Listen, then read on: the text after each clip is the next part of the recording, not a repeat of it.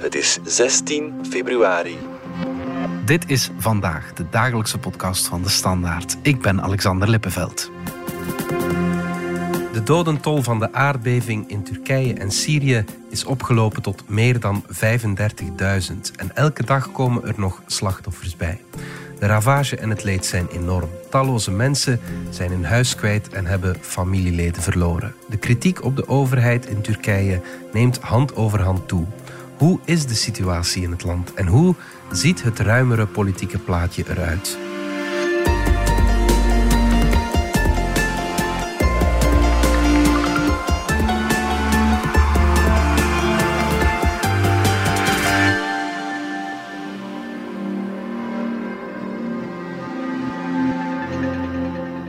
Beginnen doen we in eigen land bij Benjamin Ates. Hij heeft een Turkse vriendin en hij wou net een heel grote stap zetten toen de aardbeving plaatsvond. Ik was juist met mijn vriendin een weekendje naar Parijs. Daar heb ik ook eh, mijn aanzoek gedaan, huwelijksaanzoek, waar al mijn vrienden ook bij aanwezig waren. Het was een heel leuk feest. We hebben daarna nog lekker uitgebreid eten gehad, een diner. En vervolgens zijn we eigenlijk in de nacht naar huis gegaan, waar dat we dan ja, in de ochtend rond 4, 5 uur werden gebeld door familieleden. En uh, ja, daar kregen we het slechte nieuws uh, van de aardbeving. Het was altijd al haar droom om in uh, Parijs een aanzoek te krijgen. Dus wij als man moeten maar gehoorzamen, zeker. Nee, maar ja, ze, gaf me wel heel vaak hints dat ze altijd wel een aanzoek in Parijs zou hebben. Als er ooit een aanzoek zou komen. Om zes uur exact branden de lichtjes ook van de Eiffeltoren. Dan uh, sprinkelen die zo. En dan op dat tijdstip is de aanzoek gedaan. Het was ja, heel mooi, emotioneel en ze was heel tevreden. Alleen jammer dan, omdat ja, de vreugde die daarmee gekoppeld was, een korte duur was. Dus in mijn geval zijn we helaas twee nichtjes verloren. Dus van mijn moederskant zijn ook mijn directe nichten. Ze zijn helaas onder het puin gebleven en er is eigenlijk geen hulp gekomen. De omvang was zo groot, als je een beetje een perspectief wilt geven. Het is hetzelfde als het gebied van Amsterdam en Parijs, dat daartussen alles ja, verwoest is. Het was eigenlijk de bedoeling dat zij deze woensdag zou moeten terugkeren, maar ze heeft op dit moment geen plaats om terug te keren. Het is ja, verschrikkelijk eigenlijk. Haar huis is onbewoonbaar, haar familie is geëvacueerd. Die zijn nu zelfs allemaal ook verspreid, uh, dus gesplitst. Haar broer is aan de ene kant, haar zus is ergens anders en haar ouders zijn ook weer ergens anders. Ze voelt eigenlijk aan van als ik nu terugkeer, ja, waar moet ik heen? Ze valt ook onder mijn verantwoordelijkheid ik wil daar ook hier houden. Dus op dit moment geen plaats om, uh, ja, om te zijn in Turkije. Absoluut niet. Um, iedereen leeft daar ook met trauma's. Uh, vanuit haar familie zijn er ook veel getroffenen. Ze heeft ook enkele neven en onkels verloren. Van op afstand natuurlijk is dat heel moeilijk om snel zeg maar, te beseffen allemaal. Ik denk als je er zelf bij bent dat de shock veel groter is. Maar de hulpeloosheid van onze kant uit, dat doet pijn. Dat doet echt pijn ook toekomstgericht doet dat ook heel veel pijn, want we hadden eigenlijk al trouwplannen. Dus we gingen uh, normaal gezien in Turkije, in Hatay, het getroffen gebied, trouwen. Er was dan een voorschot betaald uh, voor de trouw en we hadden een heel mooie villa met een zwembad en een heel mooie tuin. Maar ja, daar, uh, ja, daar kunnen we nu zelfs niet meer aan denken. En alles wat eigenlijk nu op dit moment toekomstgericht is, al onze plannen zijn verwoest op dit moment. Alles. Al onze plannen zijn verwoest, zegt Benjamin Samira Atay van onze buitenlandredactie. Jij bent sinds woensdag in het getroffen gebied. We kennen de beelden natuurlijk van op uh, televisie, maar ik neem aan dat als je daar zelf bent, ja, dat het toch nog wel iets anders is. Hè? Het hangt af van in welke stad uh, of dorp je bent, maar het is echt een uh, apocalyptisch beeld. Er zijn plekken zoals Iskenderun of Adiaman, of de dorpen hoog in de bergen zoals Ahmed Hodja, waar de ravage enorm is. In uh, Iskenderun uh, zag je een familie die buiten leefde en in, uh, bussen sliep. Toen ik daar was, de eerste dagen na de eerste aardbeving, nog steeds geen, geen tenten ter beschikking of was er geen grote ruimte waar ze naartoe konden gaan, zoals een school of een cultureel centrum, om daar eigenlijk in veiligheid te kunnen slapen.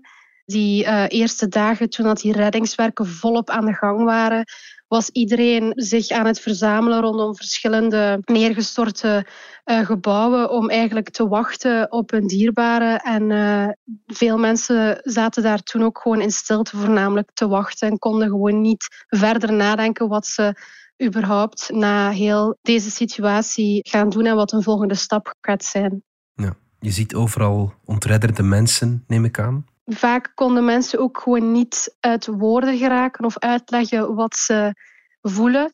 En daarnaast zijn ze ook ja, enorm gefrustreerd, maar vooral ook inderdaad ontredderd omdat er zo lang geen hulp kwam de eerste dagen. En dat is ook iets wat een volgende shock was voor veel mensen. En ook dat wachten is iets wat dat uh, mentaal ook natuurlijk doorsteekt. En de mensen die daar nu getroffen zijn door die aardbeving, die weten dat ze op een aardbevingsgevoelige plaats wonen. Willen die daar blijven of trekken ze weg? Je hebt een deel die ervan uitgaat en hoopt dat ze, zoals Erdogan heeft beloofd, de Turkse president, dat ze binnen een jaar een plek zullen hebben waar ze weer kunnen wonen. Er zijn veel mensen wiens appartementen eigenlijk, of het gebouw waar ze in wonen, dat dat volledig is ontruimd, omdat er instortingsgevaar is. Zij hopen dat die gebouwen snel uh, worden afgebroken en dat er nieuwe worden gezet. Dus er, is, er leeft wel bij een deel van de mensen hoop. Je hebt natuurlijk ook een heel groot deel die gewoon aan het wachten is in tenten of moskeeën of scholen en centra. Maar er is ook echt een deel die massaal aan het wegtrekken is. Heel veel luchthavens in het getroffen gebied zijn vol. Heel veel vluchten zijn volboekt. Mensen trekken weg naar familieleden in andere delen van Turkije of zelfs daarbuiten richting, uh, richting Europa. Hm, er is ongetwijfeld veel uh, frustratie onder de mensen daar. De frustraties groeiden dag na dag. Enerzijds in het begin kwamen vaak ook journalisten bij vernielde gebouwen filmen met het nieuws dat uh, de reddingswerken heel vlot verliepen en dat er hijskranen zijn en graafmachines en dat, er, dat mensen druk in de weer bezig zijn met mensen te redden. Ze hielden journalisten tegen die kritiek probeerden te geven op het feit dat hulpdiensten laat kwamen. Ook Erdogan ging naar verschillende plekken, zoals Marash of Adiaman, op bezoek. Maar elke bezoek aan een stad zorgde natuurlijk voor heel veel wegversperringen op de weg. En dat maakte de inwoners ook heel gefrustreerd, omdat die wegen nu vrij moeten zijn voor hulp, die veel belangrijker is dan een president die naar een getroffen stad gaat om uh, zijn steun te betuigen. Ik heb vaak met verschillende inwoners ook samen er waren momenten waar we samen naar het nieuws aan het kijken waren en iedereen sprak vol woede over de beelden van alle vrachtwagens die dat zij op de media zagen. En ze zeggen ook van, van waar gaan die vrachtwagens naartoe? Waar gaat al het hulp naartoe? Want we zien het hier niet op de, op de straat. En momenteel zijn veel reddingswerken ook stopgezet, terwijl er nog steeds dode lichamen onder het puin liggen. En dat zijn dan weer nieuwe frustraties. Samira vertelde het net. In het getroffen gebied is de frustratie rond de gebrekkige hulpverlening en president Erdogan groot. Bart Oblaren praatte erover met Ruud Goossens van onze weekendploeg. Ruud, je hebt je de voorbije dagen wat uh, verdiept in de positie van president Erdogan en we hoorden het net van Samira ook. Mensen vragen zich af, waar zit hij? Wat is hij aan het doen? Wanneer worden we geholpen? Enerzijds kan je natuurlijk zeggen dat is een ramp van zo'n immense omvang. 1 miljoen huizen die getroffen zijn, meer dan 30.000, 35.000 doden. Heel veel mensen die eh, geen dak niet meer boven het hoofd hebben. Dan kan je als president natuurlijk niet overal zijn. Maar hij is, denk ik, twee keer op het terrein geweest. En dan zie je ook, om te beginnen, dat dat een rol is die hem niet als gegoten zit. Het was geen enorm empathische vader des vaderlands die ter plekke ging. Zijn microfoontje stond op een bepaald moment aan, nog aan toen hij tegen iemand zei: Ja, dat is het lot, dat, daar kan je niet tegen weren. Maar de essentie is natuurlijk nog een andere. Dat is dat er op heel veel plekken heel weinig hulpverlening was. En dan, dat leidt natuurlijk tot woede op Erdogan, omdat hij uh, ook een verantwoordelijkheid heeft. Natuurlijk niet in het schokken van de aarde en niet in de omvang van die aardbeving, die natuurlijk immens was, maar het de indruk bestaat toch stilaan. En er zijn toch steeds meer dingen die erop wijzen dat het aantal slachtoffers, de ramp, groter is geworden door de manier waarop ze de afgelopen jaren de bouwregels zijn aangepakt en door de manier waarop de hulpverlening nu is aangepakt. Want helemaal onverwacht was die aardbeving niet. Een plaatselijke bestuurder had op televisie al gezegd van eigenlijk zijn we niet voorbereid. Dat is zo'n fragment dat op uh, sociale media ook de ronde heeft gedaan. Een, een, burgemeester die de vraag kreeg, zijn jullie voorbereid? Uh, in het geval van zo'n aardbeving, want... Het ligt daar op een breuklijn. Ja. Turkije op twee breuklijnen ligt, gebeurt het daar nog wel eens. En die zei nee, we zijn niet voorbereid en we hebben daar brieven over gestuurd naar de ministeries, maar we krijgen daar geen antwoord op. Zo heb je nog dingen. Er is een rapport van uh, het ministerie voor Stedelijke Ontwikkeling van drie jaar geleden waarin men zei, ja, eigenlijk is meer dan de helft van de woningen in Turkije beantwoord niet aan de bouwregels. Dat zijn 13 miljoen gebouwen. Er zijn uh, toen er een paar jaar geleden een grote amnestieregeling werd doorgevoerd op bouwovertredingen. Toen hebben een aantal eh, specialisten gezegd, ja, die dreigt onze steden in kerkhoven te veranderen. Als je dan nu ziet wat er gebeurd is, is het logisch dat men zegt, ja, heeft men wel alles gedaan. Er zijn wel bouwvoorschriften. Vooral na de aardbeving van 1999 zijn de regels zijn aangescherpt maar ze zijn niet altijd goed opgevolgd. Dat, dat is iets dat al lang gezegd wordt, dat er toch wel een heel uh, innige band is tussen de bouwsector in Turkije en de AK-partij van president Erdogan. Dus als je even teruggaat naar, hij is in 2002 is, heeft de AK-partij de verkiezing gewonnen, 2003 is Erdogan premier geworden. Toen keken wij helemaal anders naar hem. Van iemand die de islam met de democratie kon verzoenen. Ja maar ook iemand die economische successen boekte. En die successen waren voor een groot deel gestoeld op de successen van de bouwsector. Dus er is enorm veel gebouwd in Turkije. Het land is ook van aanschijn veranderd. Je hebt een aantal grote prestigeprojecten gehad, zoals de luchthaven van Istanbul. Zoals Erdogans eigen onderkomen, een, een, een paleis met 1100 kamers, maar ook hele wijken die gebouwd zijn. Dus er is veel gebeurd. Maar tegelijk heeft er ook een grote zweem van corruptie altijd overgangen. Omdat je ziet bijvoorbeeld dat die overheidsopdrachten die gingen voor bijna een kwart naar steeds dezelfde vijf bedrijven. Waarvan er sommige topmannen van die bedrijven ook heel uh, eng met Erdogan zelf verbonden zijn. Dat is ook nooit deftig uitgezocht. Tegelijk heb je die, die regels die strenger werden, maar die heb je een aantal grote amnestiemaatregelen gehad. De laatste in 2018 zijn er meer dan 100.000 woningen geregulariseerd, trouwens ook met steun van de oppositie. Maar dat heeft er natuurlijk toegeleid dat, dat heel veel van die woningen... Niet bestand waren. Oké, het was een zware aardbeving, maar... Ja, er zijn toch wel... Ja. Dus er zijn heel veel oude gebouwen ingestort, voor zover dat we dat nu kunnen inschatten. Mhm. Maar er zijn toch ook wel, al er sijpelen toch steeds meer verhalen door van heel wat nieuwe gebouwen die zogezegd zeer stevig waren. Uh, ik las net nog het verhaal over een, een, een luxe complex in Osmanje. Uh, duizend mensen woonden daar en dat is als een kaartenhuisje in elkaar gestuikt. Daar had je geen, uh, eigenlijk nauwelijks ondergrondse funderingen.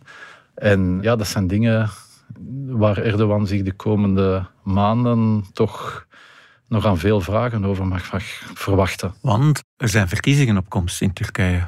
Normaal gezien wel, ja. Uh, Normaal gezien, zeg je? Ja, omdat het is natuurlijk niet evident als, als er zich zoiets voordoet om nog verkiezingen te organiseren. En ja, die zouden normaal in, in mei plaatsvinden. Die kondigden zich ook al als moeilijk aan.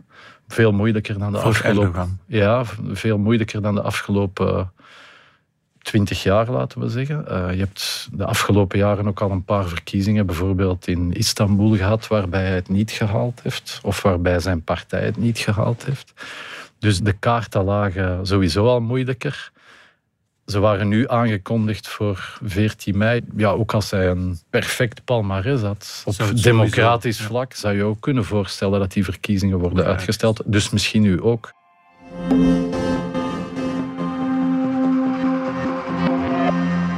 Vanaf zaterdag kan je luisteren naar 1 jaar oorlog, een nieuwe podcastreeks van de Standaard. In vijf afleveringen kijk ik, Alexander Lippenveld, samen met mijn collega's terug naar het eerste jaar van de oorlog, die op 24 februari 2022 van start ging. Het is een oorlog die we nooit hadden verwacht, maar tegelijk ook al jaren zagen aankomen. Hoe is het zo ver kunnen komen? Wat hebben we het afgelopen jaar geleerd? Hoe heeft de oorlog de wereld veranderd? En wat volgt er nog? Maandag verschijnt de reeks op alle podcastplatformen, maar vanaf zaterdag kan je al luisteren naar de hele reeks 1 jaar oorlog in de app DS Podcast. Wil je dit conflict beter begrijpen, dan moet je zeker luisteren.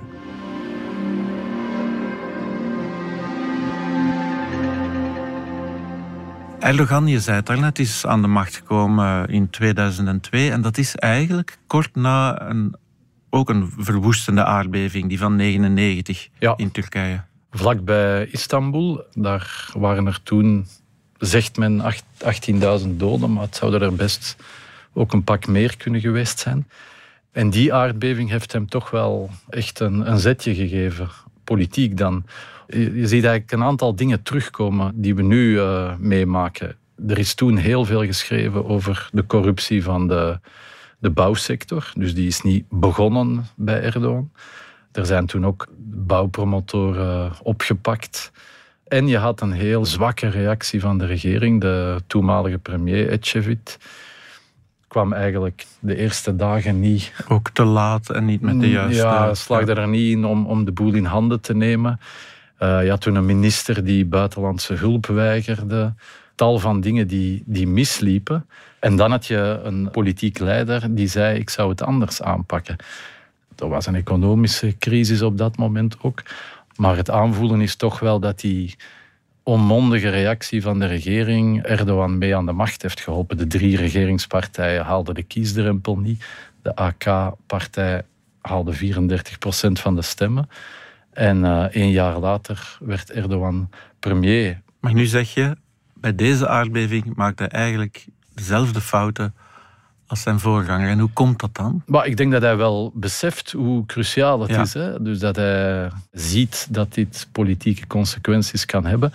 Maar hoe komt dat? Enerzijds heeft hij de afgelopen jaren, om dat staatsapparaat in zijn greep te krijgen, heeft hij heel, bijvoorbeeld na de, de coup van 2016, heeft hij een echte zuivering op gang gebracht in, in heel de administratie. Dat gaat niet over eh, twee mensen hier en Nee, vier het mensen gaat daar echt om veel. tienduizenden Ja. mensen zijn toen eh, van hun job gehaald. En ja, daar hebben we ook, als je de afgelopen jaren internationale rapporten over Turkije las, dan zag je ook dat erop gewezen werd. De capaciteit, de efficiëntie van het staatsapparaat heeft klappen gekregen. Ja. Ja. daar zitten veel mensen op jobs waarvoor ze eigenlijk niet de skills hebben. Dus dat speelt mee. En tegelijk is het ook een consequentie van een autocratisch regime. Je hebt, iedereen kijkt naar de leider. Sinds 2018, toen de nieuwe grondwet van kracht werd en Erdogan, zit je eigenlijk met een presidentieel regime. Heb je niet meer echt een parlementaire democratie. En dus kijkt iedereen naar Erdogan. Ja, lokale besturen kunnen geen initiatieven niet meer nemen, kunnen niet zeggen wij willen het zo doen, want dan worden ze gesanctioneerd. Of, ze zitten, of het gaat om bestuurders die tot de AK-partij behoren, die doen sowieso niks dat van de Tegen- lijn afwijkt. ja. Maar dat maakt in, in, in een periode van crisis, eh, geeft je dan natuurlijk geen eh, flexibel apparaat dat zelf beslissingen neemt. Dat speelt dan tegen jou. Dus Als ik je zo hoor, dan kan deze aardbeving ook wel het einde van Erdogan inluiden. Ik durf daar, daar geen enkele voorspelling over doen. Eh, je zou zeggen, iemand die economisch zijn land in zo'n grote moeilijkheden ziet verkeren en die zo'n aardbeving over zich heen krijgt, die wordt normaal weggestemd. Maar, dat is dan het voordeel tussen aanhalingstekens van een autocratie. Je hebt natuurlijk nog wat andere jokers die je kan trekken en die jij ook trekt. Er zijn al heel wat oppositieleiders uit de race genomen, soms in de gevangenis gestoken.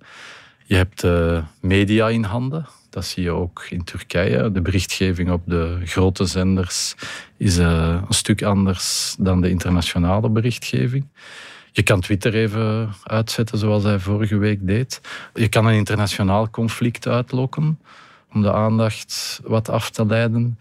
En, en bovendien, Erdogan heeft ook een machtsbasis hè, in dat land. Dus het is niet zo dat iedereen tegen hem is. Misschien dat er uh, een aantal mensen zullen zeggen liever uh, de duivel die we kennen of de stabiliteit van de afgelopen jaren tegenover een oppositie waar je niet goed weet van wat je daarvan gaat krijgen. Dus waar dat, dat precies op uitdraait en wanneer, God mag het weten. Maar dan kom je nog wel eens terug naar de studio. Met plezier. Dankjewel, Ruud. Dit was vandaag de dagelijkse podcast van De Standaard. Bedankt voor het luisteren. Volg ons op Spotify, Apple Podcast of eender welk ander podcastplatform. In onze gratis FDS podcast kan je niet alleen ons werk beluisteren, maar ook de beste podcasttips terugvinden met zorg geselecteerd door onze redacteur Max de Moor. Alle credits van de podcast die je net hoorde vind je op standaard.be-podcast. Reageren kan via podcast.standaard.be. Morgen zijn we er opnieuw.